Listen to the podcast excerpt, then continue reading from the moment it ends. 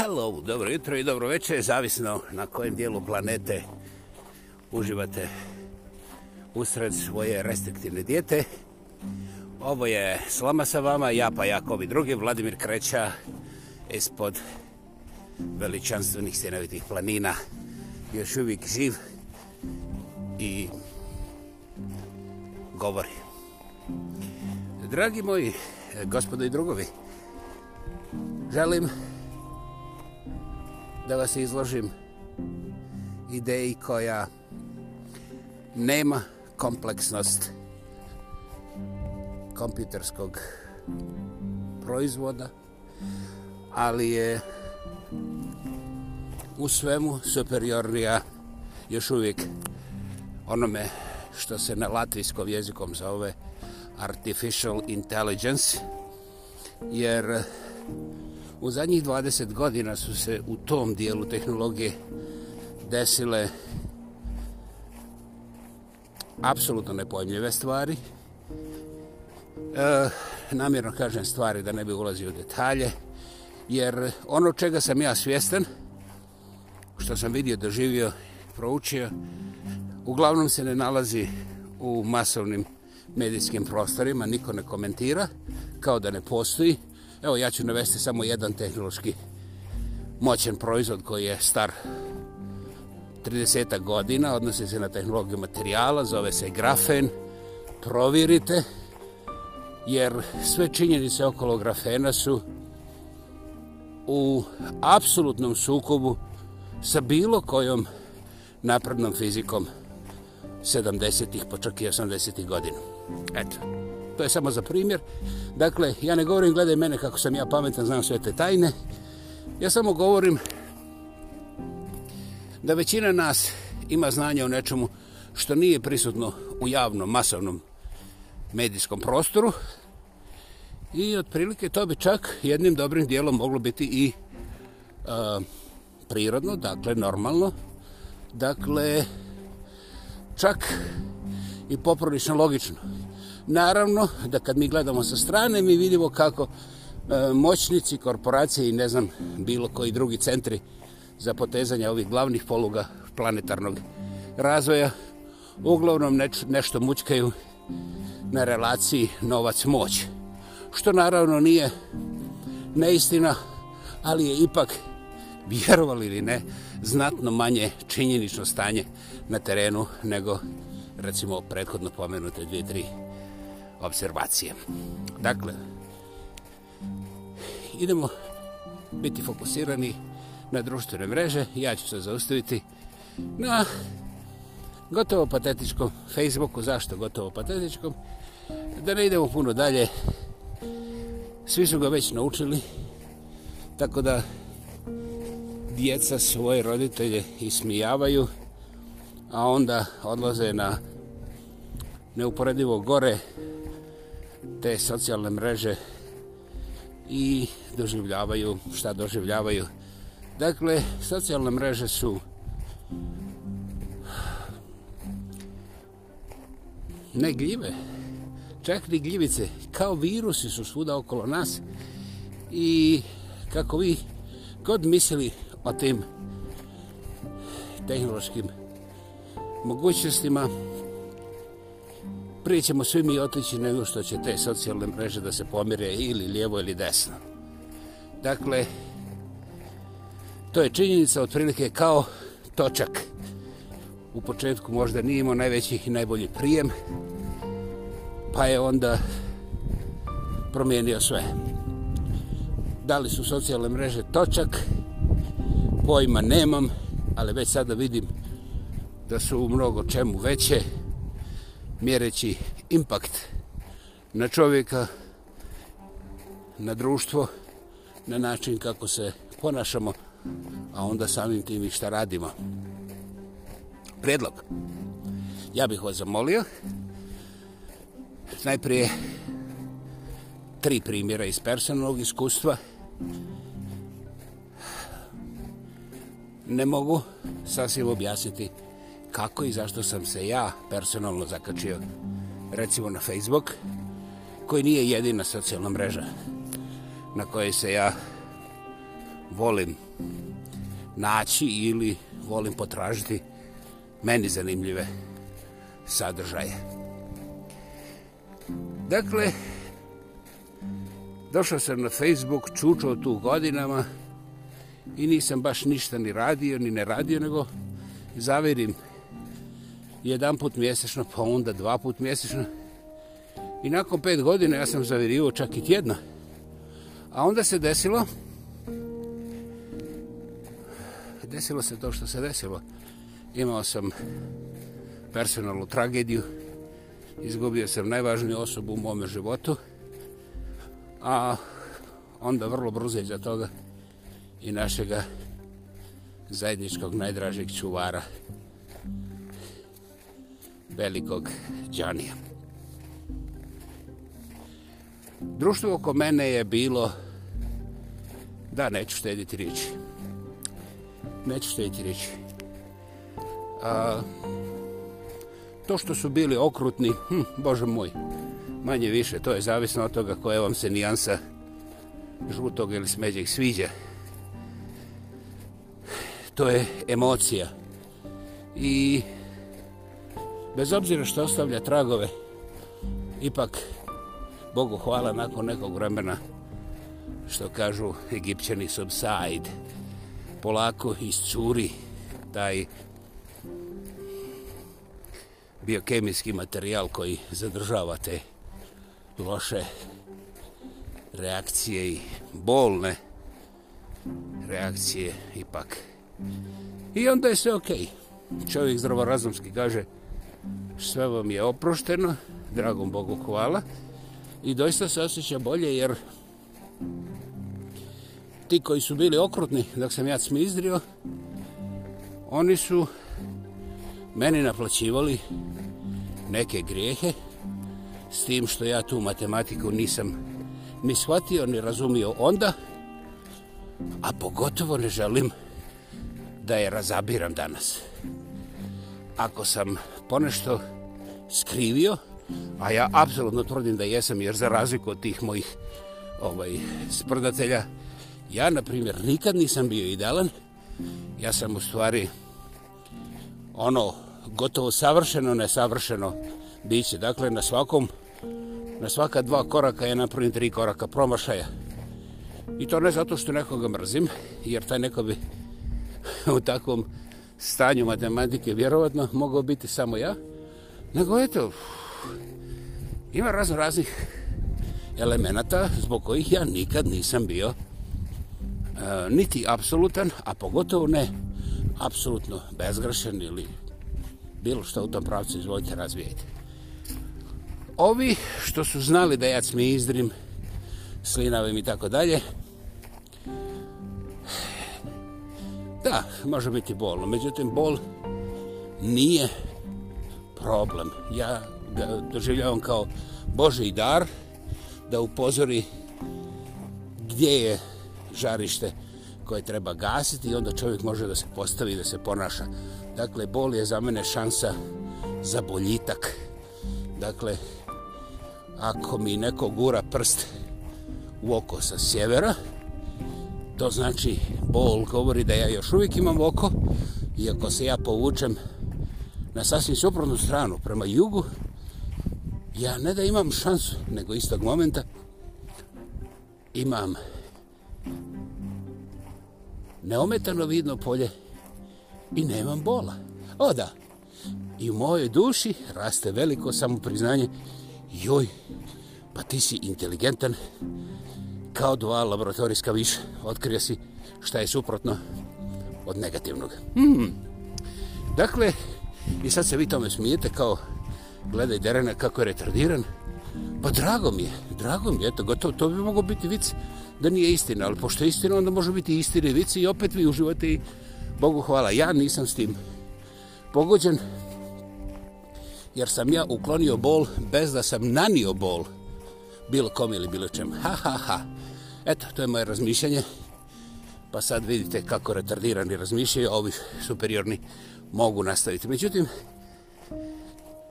apsolutno je razorno bilo kada sam ja vidio ko se meni sprda u momentu najvećeg bola u mom životu. Govorim o periodu kada sam izgubio Helenu. Ja sam i danas dobrim dijelom, sada već na razini tih nekakvih logičkih transverzala, apsolutno šokiran da ljudi koji za sebe tvrde da su vjernici, onda očigledno ne treba ima provjeravati, oni imaju te diplome, nisu bili samo u srednjoj školi, bili su i ovim, ja ne znam kako se to zove, kad posle srednje škole ideš na još te neke škole, pa onda su dobili diplome, ja sam bio kod njih kuće pa sam vidio, vidio sam A ako je sve to laž, onda svaka čast mene su ubijedili da je to čak i kao laž vrlo ubjedljiv sadržaj.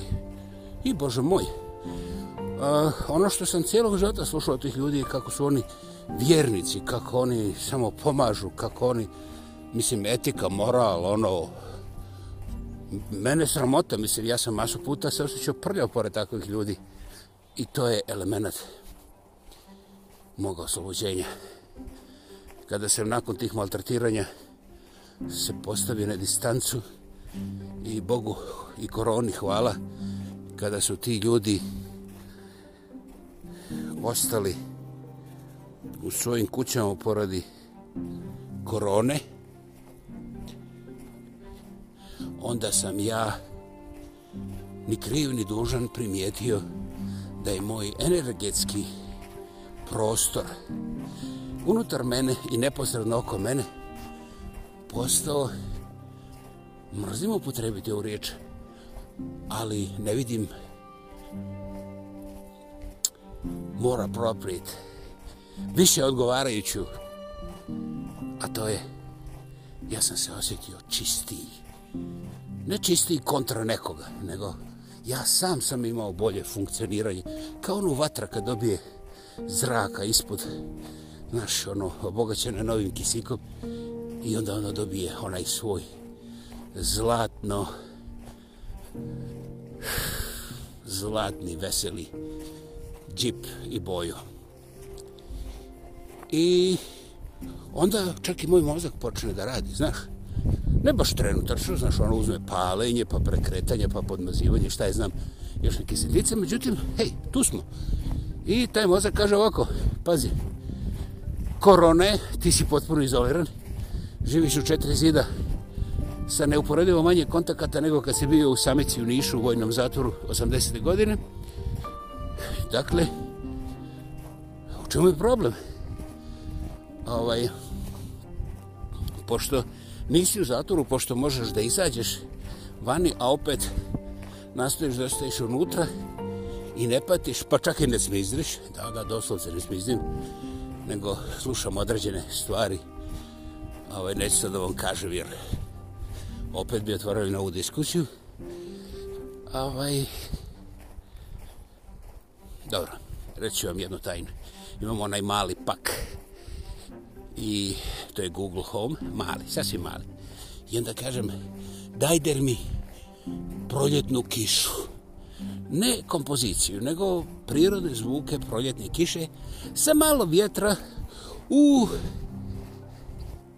zimzelenoj šumi. Da ne bude ono pljas, nego znaš ono kad padne na iglice, da je to malo tiše. I ovo, ovaj, ja cijeli dan slušam te zvuke, te proljetne kiše u zimzelenoj šumi.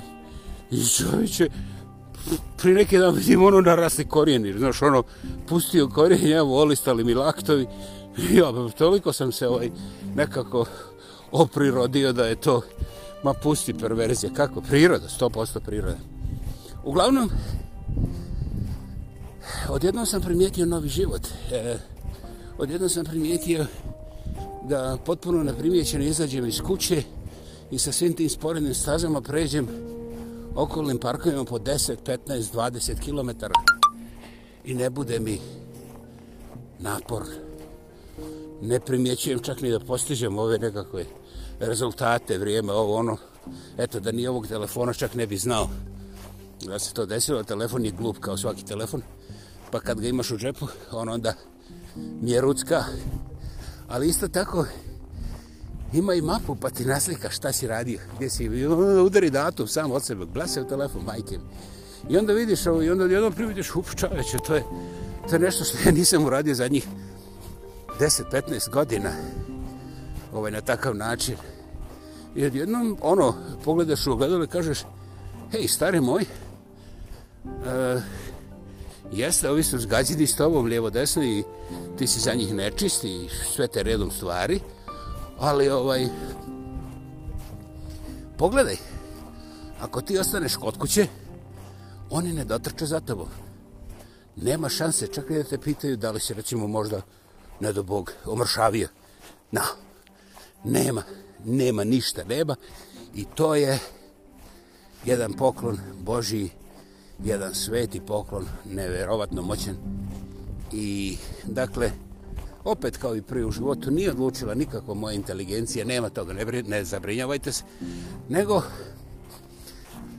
vrlo, vrlo sretne okolnosti koje ja zahvaljujem silama koje ne mogu objasniti, ali i kako sam stvarno i realno zahvalan.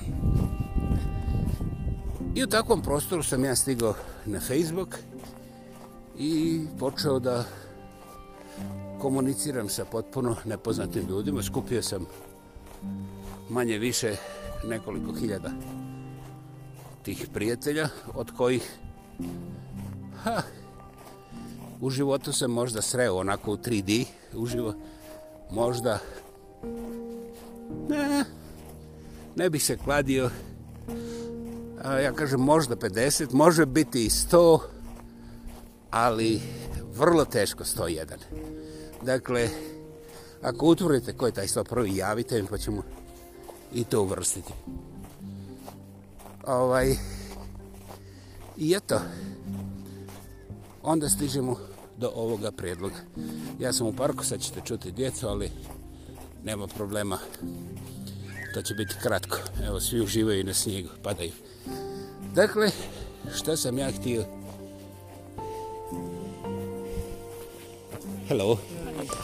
Can we replace position? Hello, Angel. Hello. Hello. I got a bird on my hand. Wow, which one? It was like a unique one. Unique? um, a woodpecker. Woodpecker. That's impressive. Yeah. yeah. put his hand out. Yeah, and then the bird flew, flew right here. And then it looked at my food. It was actually. My food was leaves. Well, you had a food for the bird. Well, there was no food. There was no food. It was just leaves. Uh, yeah. I tricked the bird. The bears thought it was food. The birds thought it was food. Yeah. yeah. Hey, this is honor and pleasure to me. Thank you. Thank you. Have a wonderful day. You too. Thank you. Bye. okay. dakle, evo ga, ovo je parku, a ovaj, priče je puno zanimljivije nego što ste mogli da čujete iz ovoga e, dijaloga. To ćemo ostaviti. I taj Facebook od koga sam i ja pravio šale, znaju ljudi da se tu sad ne bi ovoga uvjeđivali ni lijevo ni desno, što nema smisla, je meni, e, onako kad pogledam, u mnogo čemu pomogao. Naime, kad nema nikoga, kad nema nigdje ništa, kada je vrlo loše vrijeme, kada je čak i duša zatvorena, izađem na internet, onda zavirim ovom onomu i onda uglavnom, prije ili kasnije, ali uglavnom prije na Facebook, i tamo recimo piše jedan fini gospodin iz Beča, svome prijatelju na Floridi, da li se sjećaš u starome kraju, vidiš ova stvar koju danas naši mladi ne znaju, i onda ja tako naučim koja je to stvar. Ali mi bude drago da dobro situirani ljudi koji bi mogli da rade neke druge stvari, recimo da sjednu u avion i da dođu jedan drugome na koju adresu izaberu, oni eto odluče da javno izmene neku riječ, fotografiju, mišljenje i wow! Onda neki ljudi objave svoje pjesme, svoje uspomene. Uglavnom da ne listam, znate da nema ograničenja izuzev ako se ulazi u političke i nepristojne, nezakonske i neprihvatljive elemente za koje ja nemam šta dodati osim da taj nije, to, to, ne, to ja ne mogu da nazovem cenzorski. Ja ne mogu nazvati cenzorskim nešto što zabranjuje otvoreno veličanje fašizma. Ja ne mogu nazvati cenzurom ako se obrišu nasilnici bilo koje vrste. Ja jednostavno neću nikada prigovoriti nekim vlastima ili moćnicima koji prijetnje napisane na papir ili napisane na ekran ne toleriraju, imaju nultu granicu tolerancije i jednostavno čim se prijetnje pojavi takav je eliminiran. I da, ja vjerujem u eliminaciju.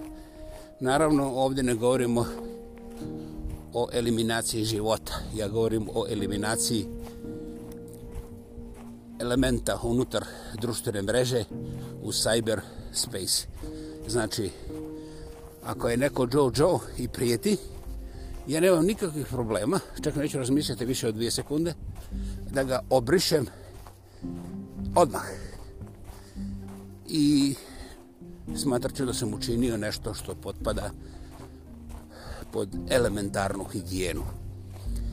Bez obzira šta on prijeti i kako prijeti, ne zanima me dođi i isporuči bombu meni na moju faciju, na moje vrata, pa vidi kako će se to desiti.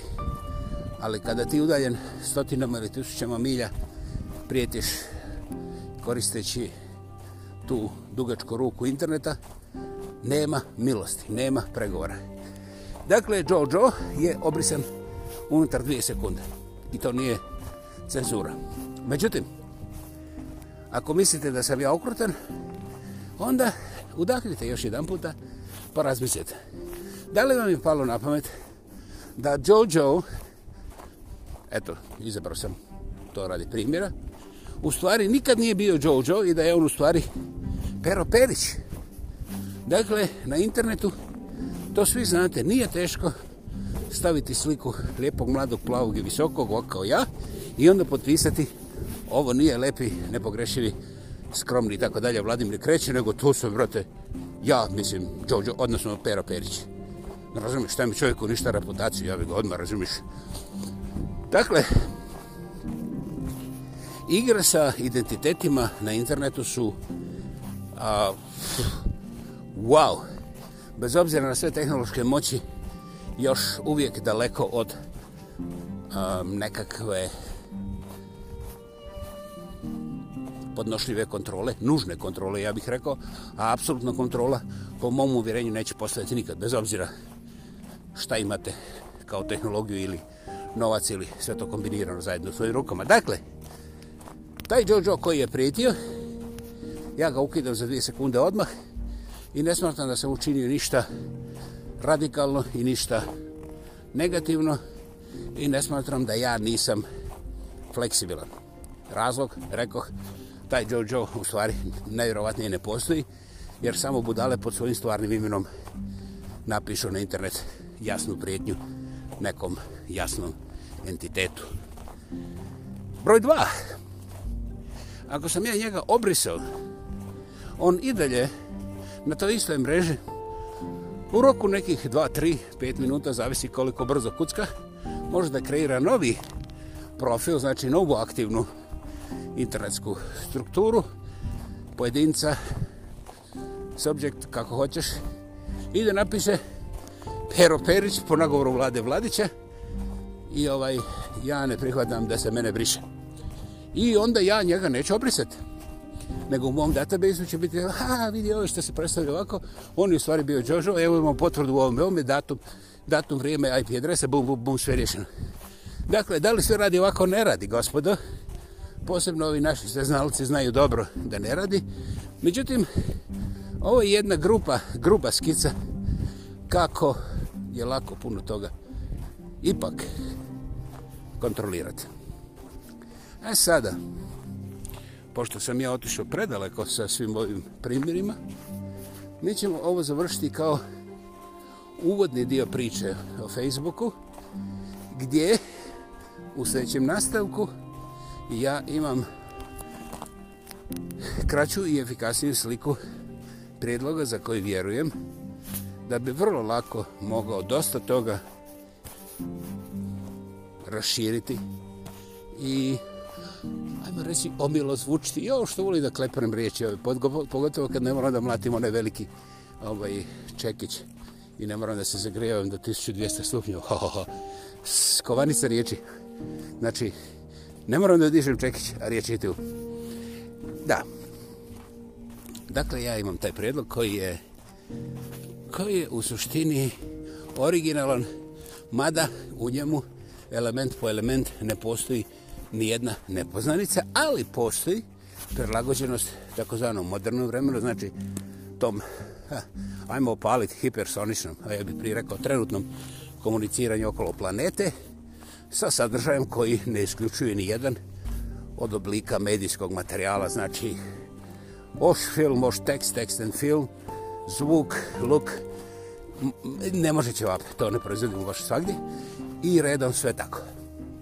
Nadam se da niste patili, a u životi ne morate, nisam vam ja ništa prodao, i ovoga, sloma sa vama, Vladimir Kreća, ko bi drugi,